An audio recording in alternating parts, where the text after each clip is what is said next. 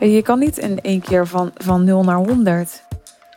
Je gaat eerst naar 5 en dan naar min 3 en dan naar 18 en dan, dan weer, weer terug naar 16. En dat is een beetje het leven, toch? Het leven is niet één rechte lijn omhoog. Dat plaatje ken je wel. Het gaat met allemaal omwegen. Ik werd geïnspireerd door een klant van mij om deze aflevering op te nemen. Zij deelde in de Facebookgroep van The Real Deal. Ik wil graag mijn doorbraak met jullie delen.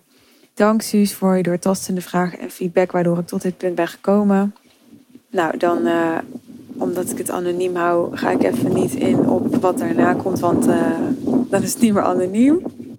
En daarna zegt ze, hoewel ik nog steeds hetzelfde doe, is mijn boodschap en content compleet anders. En ik voelde me echt zo vervuld door dit bericht. En niet omdat ik credits krijg en zo, wat hartstikke lief is. En natuurlijk, dat doet ook echt wat met me. Want ik, ik vind het fantastisch om, om waardering te krijgen en gezien te worden. Om wat ik doe en kan. Maar wat ik vooral hierbij voelde is dat. Kijk, ga even drie stappen terug hoe het vaak gaat in de praktijk. Iemand wordt klant bij mij in de Real Deal. En dan, dan is er een bepaalde ambitie of ambities, verlangens, perspectieven, verwachtingen die, die iemand wil waarmaken.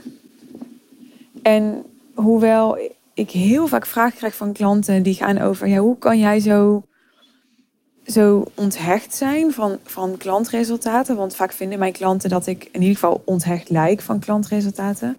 Voel ik natuurlijk echt wel. Want ik, ben, ik voel me echt mega betrokken bij elke klant. Wat niet wil zeggen dat, hè, dat ik elke dag met iedereen contact heb. Maar ik voel me echt mega betrokken bij elke klant. En natuurlijk voel ik dan ook die spanning van: oké, gaat het gebeuren? hoe gaat het gebeuren? Wanneer gaat het gebeuren? En niet als iets wat, wat ik moet gaan doen, maar wel als van oké, ik ben de, de holding space, de facilitator voor het realiseren, het waarmaken, het bereiken van dat wat die ondernemer wil. Ja, het voelt soms alsof ik als een soort, ja, niet als publiek, want dat is te passief en ook niet als scheidsrechter of zo, want dat ben ik ook niet, maar ik heb bijna een soort, ja, een soort voetbalveld in mijn hoofd ja, of, of een, een boksring, maakt niet uit. Maar waarbij iemand in het midden dat voor die verlangens aan het gaan is. Niet zozeer aan het, aan het strijden is, aan het vechten is. Maar die, die is daar zijn hart en ziel aan het geven voor, voor zijn of haar goud. En ik sta daar en, ja, langs die, die holding space te roepen, te kijken, te observeren. Te, om, hè, om, om iemand zo snel en, en zo slim en zo, zo vervuld mogelijk op die, op die plekken te krijgen. En als je dan zo'n berichtje krijgt in de Facebookgroep, ja, dan dat is gewoon, weet je wel, als je Ajax-fan bent en Ajax wordt wereldkampioen of zo, dat is misschien een heel slecht voorbeeld, maar ja, daar moet ik nu aan denken vanwege dat voetbal. Ja, dan ga je gewoon helemaal door een dak, toch? Want Ajax is wereldkampioen voor. Nou, dat is wat ik dan voel bij zo'n berichtje zo'n Facebookgroep. Dat ik denk, ja, de doorbraak. En ik had het net over drie vragen. Gaat het gebeuren? En hoe gaat het gebeuren? Wanneer gaat het gebeuren? En ik wil als eerste even ingaan op die eerste. Gaat het gebeuren?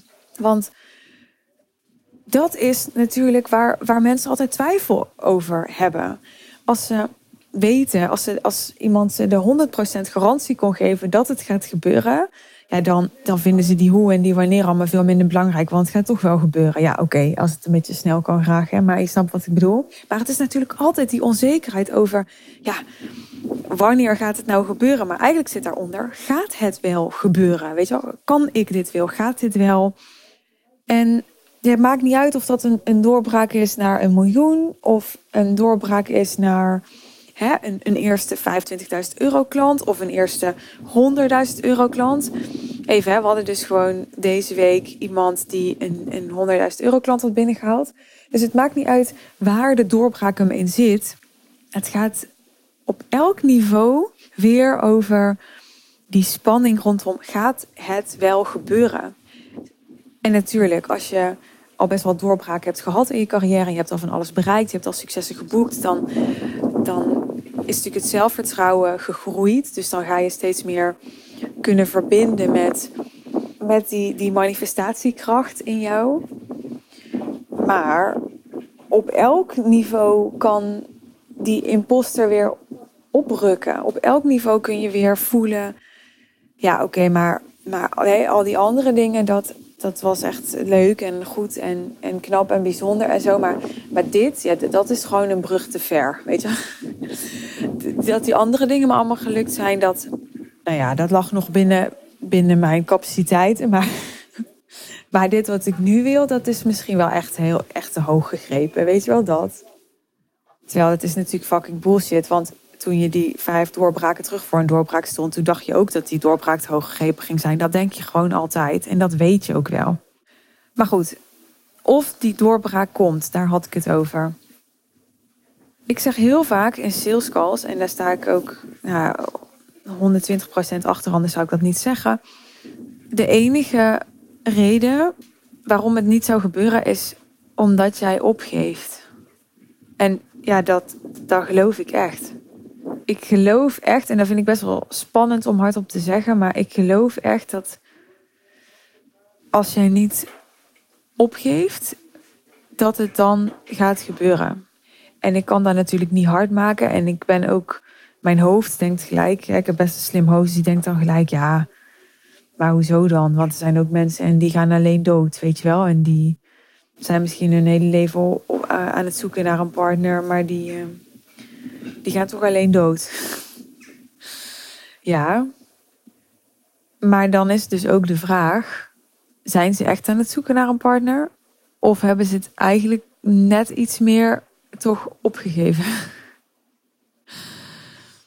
Ja, dat is een verschil, hè? Ik las toevallig uh, van de week ook een post op Facebook van iemand die heel lang vrijgezel was geweest. Eigenlijk zo'n beetje volgens mij zijn hele leven als een man. Ja, afgezien van hele korte dingen, hele korte relaties. En ja, achteraf is het natuurlijk makkelijk praten over. Ja, ik heb nooit opgegeven, maar dat was wel de strekking van zijn verhaal. En nu was hij getrouwd. Ja, dat was voor mij weer zo'n mooi voorbeeld ervan. En daarna ging ik een beetje de comments lezen, hoe mensen daarop gingen reageren en zo. En toen zei hij ook van, kijk, niet opgeven is, is niet, dat is niet wat hij zei, maar ik vertel het even in mijn woorden. Hij zei van, ja, je moet je wel blijven ontwikkelen, zoiets zei hij. Ja, voor mij is dat hetzelfde als bijvoorbeeld continu blijven werken aan en echt vertrouwen houden. Daar zit die, dat ontwikkelen voor mij ook in, want ik denk als je gaat zitten wachten tot het komt, dan heb je het dus eigenlijk opgegeven. Wat niet wil zeggen dat je dat je altijd per se in de actie moet. Soms moet je in de actie. En soms moet je echt, soms is het echt tijd om extern te gaan. En soms heb je echt nog een veel langer intern proces te lopen dan comfortabel voor je is. Ik kan er daar ook wel een aantal van humor in mijn leven. Dat ik, dat, nou ja, ik denk dat iedereen dat herkent. Dat hij denkt, Jezus, is dit nou nog steeds een thema. Weet je wel, ik heb al zoveel inner work en zo weer opgedaan. En ja, soms is dat nog steeds een thema. Het zegt helemaal niks eigenlijk hoeveel inner je erop hebt gedaan. Nou ja, niks is misschien overdreven, maar ja, ik ken mensen die, die zijn tien jaar bezig om dingen te verwerken. En ik ken mensen en die doen het in één dag. En dat is niet omdat mensen die het in één dag doen nou zo, zo miraculeus zijn, maar dat is omdat ja, die andere mensen zijn met andere ervaringen, andere achtergronden, andere capaciteiten en ook andere tools, andere inzichten. Soms moet je denk ik ook vijf verschillende manieren, paden bewandelen om bij de zesde opeens te denken, hè weet je wel, nu, nu heb ik die doorbraak of nu ben ik daar doorheen of nu, nu kan ik echt inderdaad eh, de actie gaan nemen omdat ik intern niet meer zo mezelf in de weg zit. Alleen het, het, uh, het jammer is dat je vaak wel die vijf paden nodig hebt gehad om uiteindelijk dat zesde pad te bewandelen. Dat is hoe het leven werkt. Je kan niet in één keer van, van 0 naar 100. Je gaat eerst naar 5 en dan naar min 3 en dan naar 18 en dan, dan weer, weer terug naar 16. En dat is een beetje het leven, toch? Het leven is niet één rechte lijn omhoog. Dat plaatje ken je wel. Het gaat met allemaal omwegen. Maar als ik je één ding wil meegeven met deze podcastaflevering, dan is het dat, dat die doorbraak altijd gaat komen als jij niet opgeeft. En ik snap dat dit allemaal hele mooie woorden zijn en dat als je daarin zit, dat je denkt, ja, fuck dat. Ehm, maar hoe lang, hoe lang moet ik hiermee bezig gaan dan? Hè? Stel, je bent al een half jaar bezig en je, denk, je denkt, ja, moet ik dit dan drie jaar zo gaan lopen proberen? Nou, niks moet. Kan ook, je kan ook wel opgeven. Dat is, dat is ook goed, hè? Dan ben je niet een slechte mens of zo. Als jij denkt, hè, mijn verlangen is kleiner geworden dan mijn angst of dan mijn weerstand. Prima. Dan ga je iets anders doen. Ga je andere doelen stellen of andere verlangens aanwakkeren. Maar als dat niet zo is en dit is echt wat je wil, ja, dan, uh, dan zou je eens kunnen reflecteren op: oké, heb ik het al op de juiste plekken gezocht? Heb ik al de juiste mensen om hulp gevraagd? Heb ik al. Daar moet je dan op een gegeven moment ook weer uit. Want dat gebeurt ook als bij klanten, dat ze, dat ze in die reflectiemodus blijven zitten. Ik stel nu even net twee reflectievragen, maar zo kun je er wel honderd formuleren. En kun je dan heel lang over doen. Om daar dan uh, een heel verhaal van te maken voor jezelf. En soms is het, is het ook zo simpel als juist kappen met, met dat inner work en, en wel extern gaan en actie nemen. Sterker nog, dat is wat succesvolle mensen denk ik ook doen. Kijk, ik, ik kan nog 300 dingen gaan zitten oplossen in mezelf. En ondertussen kan ik dan mezelf wijsmaken dat ik geen. dat ik mijn klanten niet goed kan helpen. Dat ik, dat ik geen goede partner kan zijn. Dat ik geen goede moeder kan zijn. Dat ik, hè, ik bedoel, daar kun je hele verhalen van maken. En, en daar dan ook nog in gaan geloven. En dan ook nog daar bewijs voor vinden gewoon in je, in je dagelijks leven. Maar ja, dan heb je denk ik echt helemaal geen leuk leven. Dus ik geloof ook heel erg in, in, in echt doen. Praten met mensen. Je nek uitsteken. Wakker worden en, en jezelf de vraag stellen: oké, what is going to move the needle today? Als ik één ding vandaag moet doen wat alles voor me zou kunnen veranderen. Wat kan ik dan het beste doen? En terwijl ik dit allemaal opneem, zit ik mezelf af te vragen: ja, zit ik nu te veel te praten tegen mensen die, die worstelen? En daar ben ik altijd heel alert op. Dat leer ik mijn klanten ook. Als je praat over worstelende mensen, dan trek je worstelende mensen aan. Dat wil je natuurlijk eigenlijk niet. Je wil succesvolle mensen aantrekken. Maar goed, bij deze dus ik denk dat die, dat die worstelingen er gewoon op elk niveau weer zijn. Every level has its own devil. Ik kan wel een, een, voorbeeld noemen uit mijn eigen praktijk. Is dat interessant? Het gaat altijd meer van leven. Ik had ehm, laatst een soort strategiedag met mijn team. Althans, met een deel daarvan. Ja, ik heb nu zeg maar drie mensen vast in mijn team en dan nog wat mensen iets minder vast. Dus ik heb een zeg maar VA, een OBM en een co-coach. Als je het even over rollen hebt. En dan heb ik bijvoorbeeld nog een tech VA ook en zo. Maar die benoem ik dan even niet als, als harde kern. En ik was met Sanet, mijn co-coach, en met Marlijn, mijn OBM. En ik wist, dat was een van de dingen die op de, op de agenda stond, dat we het onder andere gingen hebben over, uh, over mijn team. Ja, en ik vond dat dus best wel super spannend, omdat ik veel teamwissels heb, heb gehad afgelopen half jaar. En ik zat echt in zo'n energie van: oké, weet je, het, het kan me niet schelen, maar als ik één ding niet meer wil, dan is het teamwissels. Het heeft zoveel ja, energie en geld en tijd en vertrouwen ook een dingetje gekost. Dat ik dacht, ja, dat, dat ja, alles, alles prima, maar geen teamwissels meer. Maar ik wist, ik wist. Ja, zo ga ik niet onthecht dat gesprek in. En, en then you're fucked, hè. Dus het maakt niet uit of het nou een gesprek is met je team, of met, met klanten, of met je partner, of met, hè, voor mijn part, uh, de oppas van je kinderen. Er moet altijd een soort bereidheid zijn om die ander los te laten als dat beter is. Omdat je anders niet vanuit kracht handelt, maar vanuit angst en vanuit pijn. Nou ja, en waarom geef ik dit als voorbeeld? Omdat ik dat onthecht zijn, dat heb ik echt. Ik voel me daar wel echt een soort master in. Ik heb daar. Ik heb dat zo tot in een treuren geoefend. En ik ben daar ook echt, ja, vind ik zelf best wel heel goed in geworden. Echt geworden. Het is niet zo dat ik zo geboren ben of zo. Het is echt training voor al mijn klanten die, die zich dus afvragen hoe is u zo onthecht. Nou, trainen. Maar ja, het kan dan opeens kan het dan toch weer oppoppen. En dan, dan voel ik niet alleen die angst van, oh kut, straks krijgen we weer teamwissel. Maar dan voel ik ook die angst van het niet onthecht zijn. En weten dat dat, dat niet tot de beste beslissingen gaat leiden. Dus dan voel ik eigenlijk zo'n dubbele angst. En dan, ja, voel ik me daar weer een sukkel over. En zo, zo kun je dan echt altijd jezelf naar beneden halen. Echt ongelooflijk hoe wij mensen zijn. Maar ik wil maar zeggen dat ik al zoveel afscheid heb moeten nemen. In mijn business ook. Laat ik even bij business houden. Klinkt wel heel treurig zo. Zoveel afscheid moeten nemen. Maar ik bedoel, niet op een verkeerde manier of zo. Elke klant die, die verder gaat, is ook een afscheid. Hè? Zo voelt het voor mij ook altijd wel even. Alsof ik dan iemand hè, echt loslaat. Dat doet altijd echt wel een beetje pijn. En toch is dat die mogelijkheid om weer afscheid te moeten nemen, is dan best wel een, een dingetje. Terwijl ik daar al heel veel werk op heb gedaan, over inner work gesproken.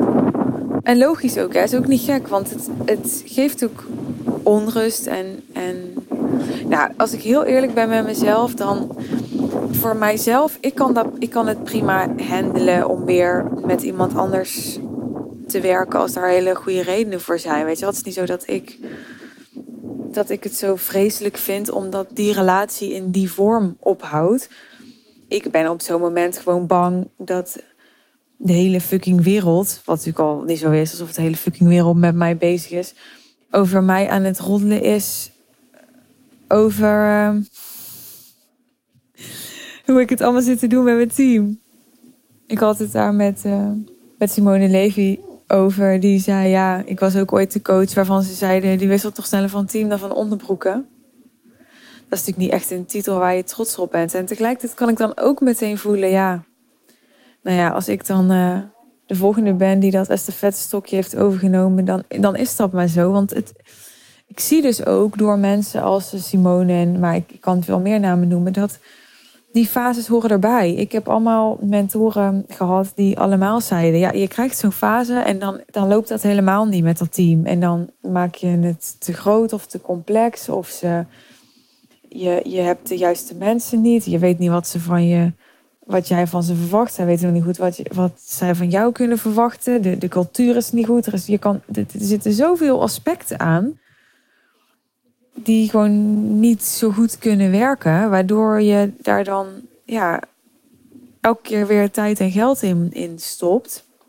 Maar ook, ook dat is iets, ja, een keer heb je die doorbraak. Een keer heb je die doorbraak. En nou, ik had eigenlijk het gevoel dat ik die doorbraak had gehad al. En toen gingen we dus die meeting in en toen, toen kwam ik weer helemaal in die oude pijn van, van voor die doorbraak. En dat is grappig, hè? Dan, die pijn die, die ontstaat dan ook deels doordat ik me dan identificeer met iemand die ergens doorheen is. Dus dan mag ik niet opeens weer het gevoel krijgen dat ik er niet doorheen ben, want, want ja, dan, dan heb ik gefaald. Terwijl als je gewoon daar allemaal niet zoveel labels op plakt, als je gewoon aan het leven bent en aan het ondernemen bent. En, en je wil niet elke, elke fase zo heel specifiek aanduiden. En elke doorbraak heel specifiek aanduiden. En ja, elke emotie heel specifiek aanduiden ook. Daar kan je ook helemaal in verzanden. emoties analyseren en labelen. En, uh, ja, dan, dan ben je gewoon. Dan ben je gewoon. En dat, dat is sowieso denk ik een heel lekkere staat van zijn. Gewoon mogen zijn. Als je daar bent, dan ben je denk ik in, uh, in overgave. En als je in overgave bent, dan heb je de weerstand losgelaten. En ik denk als je de weerstand hebt losgelaten, dan kun je dus door je blokkade heen breken. Want er is iets wat jou tegenhoudt om daarheen te breken. En, en dat is de blokkade. De blokkade is weerstand. Zit na te denken over of ik dit nou goed zeg. Er zullen vast ook situaties zijn waarin de blokkade iets anders is. Maar over het algemeen denk ik wel dat je dat zo kunt stellen. Nu heb ik alleen nog maar geluld over of die doorbraak er gaat komen. En nog niet over hoe en wanneer. Maar die hoe en wanneer die, die zijn volgens mij helemaal niet zo heel relevant. Wat natuurlijk wel relevant is, is of dat die wanneer dan komt voordat jij helemaal uh, suicidaal onder een brug ligt, bij van spreken. Dat is dan wel handig natuurlijk. Maar als dat het geval is, gaat die waarschijnlijk ook niet meer komen. Dus die twee hangen denk ik heel erg met elkaar samen. Dus de mate waarin jij echt kunt geloven dat het er is, dit is gewoon wet van aantrekking natuurlijk, gaat denk ik ook voor een groot deel bepalen hoe, hoe snel het er gaat zijn. Maar echt geloven, hè? Niet een beetje. Echt geloven. Wat heb je nodig om het echt te geloven? En als je denkt, ja, maar als ik heel eerlijk ben, ik geloof het niet echt. Nou, dan, er is genoeg geschreven en te leren over hoe mensen uit diepe dalen naar hoge pieken kwamen. Dus jij kan dat ook. Jij kan, dat, dat is echt omdat die mensen, denk ik, iets anders zijn gaan geloven. Dus jij kan ook echt iets anders gaan geloven. Dan wil ik ook nog even teruggaan naar uh, dat Facebook-bericht. Want daarin stond dus, hoewel ik nog steeds hetzelfde doe, is mijn boodschap en content compleet anders. En ik denk dat dat wel heel mooi weergeeft wat ik heel vaak doe met mensen in de real deal. Dat is zo praten over wat ze eigenlijk al altijd doen, dat de gepercipieerde waarde veel groter is. En dat is dus niet een soort trucje waardoor mensen je veel meer geld gaan betalen. Nee, dat is een trucje waardoor mensen veel meer waarde gaan ervaren. En daardoor gaan ze meer geld betalen. En ja, dat is dus misschien helemaal niet eens een trucje. Het is meer een soort ja, skill. Het zijn echt, wat mij betreft, ondernemersvaardigheden, copyvaardigheden, positioneringsvaardigheden. Maar ik help dus mijn klanten in essentie om dat wat ze doen zo te positioneren, daar zo de juiste woorden aan te geven en daar op zo'n manier dat wat onderscheidend is uit te lichten, dat ze misschien nog steeds drie posts per week op Instagram maken, maar daar bijvoorbeeld veel meer effect mee hebben. Of dat ze nog steeds drie sales calls in de week hebben. Alleen in plaats van dat ze over een aanbod van 5000 euro gaan, gaan ze nu over een aanbod van 30.000 euro. En dus niet omdat ze zulke goede sales trucjes hebben geleerd, waardoor, hè, waardoor ze zo'n aanbod van 30.000 euro iemand door hun neus kunnen boren. Nee, omdat ze zulke tweaks hebben aangebracht in, in hoe ze hun aanbod, hun zoon of genius verpakken en verkopen dat het niet alleen meer waardevol lijkt, maar het ook echt is. Ik zit te denken wat voor voorbeeld ik hierover kan geven. Nou, stel, ik pak even het dichtstbijzijnde voorbeeld. Abby, mijn hondje, die ligt hier naast mij. Dus ik, je bent hondentrainer. Nou, je hebt misschien een, een, een puppycursus voor... Wat kost een puppycursus? Ik heb echt geen idee. Maar stel, een puppycursus kost 1000 euro. Even een random bedrag dat is vast al best high-end voor een puppycursus, gok ik zo. Maar goed, het maakt niet uit. Het gaat even gewoon om een willekeurig bedrag. En daarin nodig je mensen uit om met hun puppy gewoon acht sessies op vrijdagavond te komen om hun puppy op te voeden. En nou, dat is wat ze kopen en dat is waar ze voor betalen. Maar wat als jij, en ik ga dit nu gewoon even uit mijn duim zuigen, dus ik hoop dat ik later nog steeds vind dat het een goed voorbeeld was. Wat als jij zegt, ik positioneer mezelf zo dat ik jou help om zo'n band met je hond te ontwikkelen dat jullie echt kunnen lezen en schrijven met elkaar. Dus dat, dat er echt een, een soort diepgaande relatie is tussen mens en hond. Dat je een soort hondenfluisteraar bent. Nou, ik, wilde gelijk van alles bij vertellen, maar ik probeer het even simpel te houden voor je. Wat volgens mij in heel veel gevallen zo is, is dat mensen die zo'n puppycursus geven, die zijn gewoon super goed met honden. En niet iedereen waarschijnlijk. Maar er zitten er echt bij, dat, dat zijn ook gewoon een soort hondenfluisteraars. Weet je? Die kunnen zelf met hun hond waarschijnlijk helemaal lezen en schrijven. En die hebben zelf waarschijnlijk met hun hond die diepgaande band. Alleen ze zien dat niet altijd ook bij klanten gebeuren, omdat dat ook niet is wat ze verkopen. Ze verkopen namelijk gewoon acht keer op vrijdagavond zorgen dat je hond gaat zitten als die moet zitten, weet je wel? En daardoor komen er ook mensen op af die misschien. Er zitten ook mensen tussen die misschien helemaal die ambitie niet hebben. Die gewoon denken, nou, als die hond een beetje luistert, dan vind ik het wel best. En doordat je mensen aantrekt die die ambitie niet hebben, denk je weer.